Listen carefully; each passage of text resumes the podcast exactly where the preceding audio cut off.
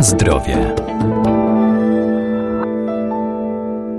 Kiszona kapusta zaliczana jest do żywności funkcjonalnej, czyli produktów, które poza wartościami odżywczymi wykazują udowodniony, korzystny wpływ na funkcjonowanie organizmu człowieka, a to m.in. za sprawą kwasu mlekowego, który wzmacnia nasz organizm i dobroczynnie wpływa na przewód pokarmowy.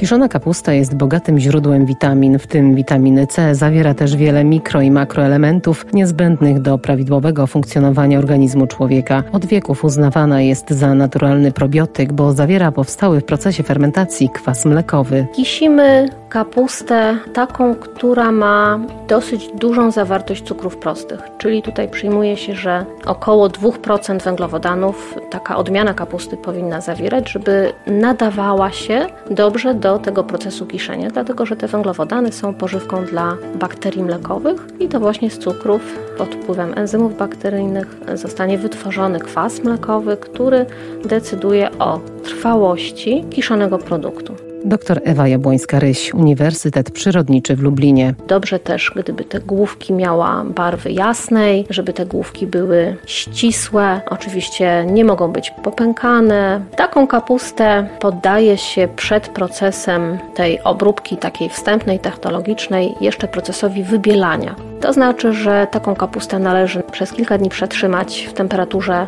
pokojowej, w warunkach, gdzie mamy odcięte źródło światła. Wówczas główki, które są wcześniej pozbawione tych zewnętrznych liści, nieco nam się wybielają, dochodzi do takiego częściowego zaniku chlorofilu. Główki przede wszystkim się zagrzewają, czyli kapusta też osiąga nieco wyższą temperaturę, około 16-18 stopni. Zabieg ten ma wpływ na późniejszą szybkość procesu kiszenia, na ten start, dobry start bakterii mlekowych. Bardzo ważne jest, byśmy potrafili zapewnić taki dobry start dla naszych bakterii mlekowych, dlatego że w początkowej fazie w naszym produkcie to wcale nie bakterie mlekowe są tą grupą drobnoustrojów, które przeważają. Okazuje się, że taką liczniejszą grupę stanowią bakterie coli oraz drożdże. Więc naszym zadaniem jest tutaj zadbać o to, żeby we właściwym kierunku te wszystkie procesy poszły, czyli żeby właśnie ruszyła ta fermentacja mlekowa. Musimy stworzyć odpowiednie warunki.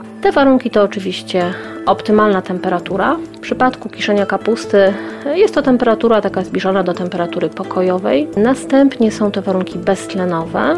Warunki beztlenowe stwarzamy poprzez dodanie soli do krajanki, dokładne wymieszanie krajanki z solą a następnie dokładne jej ubicie. Na skutek dodatku soli dochodzi do zjawiska egzoosmozy, wydziela się sok z wnętrza tkanek. Ten sok wypełnia puste przestrzenie między krajanką, wypiera powietrze i w ten sposób zapewnia odpowiednie beztlenowe warunki. Ważne jest oprócz temperatury i odcięcia dostępu tlenu, e, ważne jest również odcięcie dostępu światła w procesie kiszenia, no i oczywiście czystość mikrobiologiczna. Na zdrowie.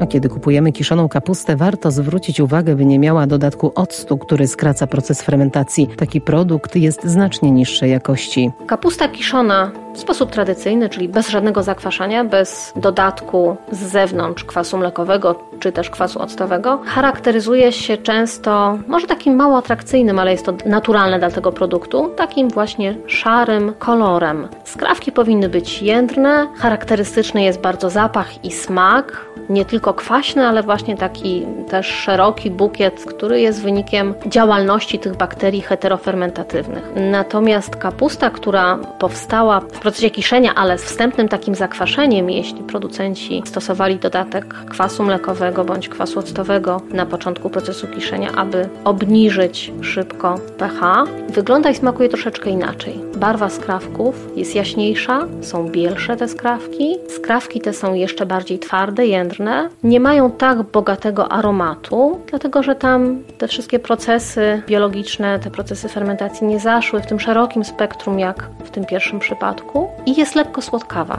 dlatego że cukier, który zawiera kapusta, nie został do końca rozłożony w procesie fermentacji. Kapusta kiszona tradycyjnie od początku do końca bez zakwaszania słodka raczej nie jest, dlatego że te 2% cukru, które sobie zawiera, wykorzystują bakterie mlekowe i właśnie zamieniają na kwas mlekowy.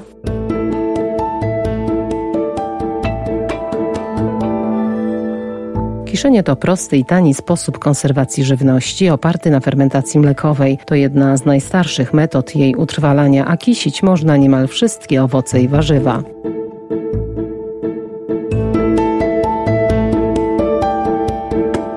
Na zdrowie.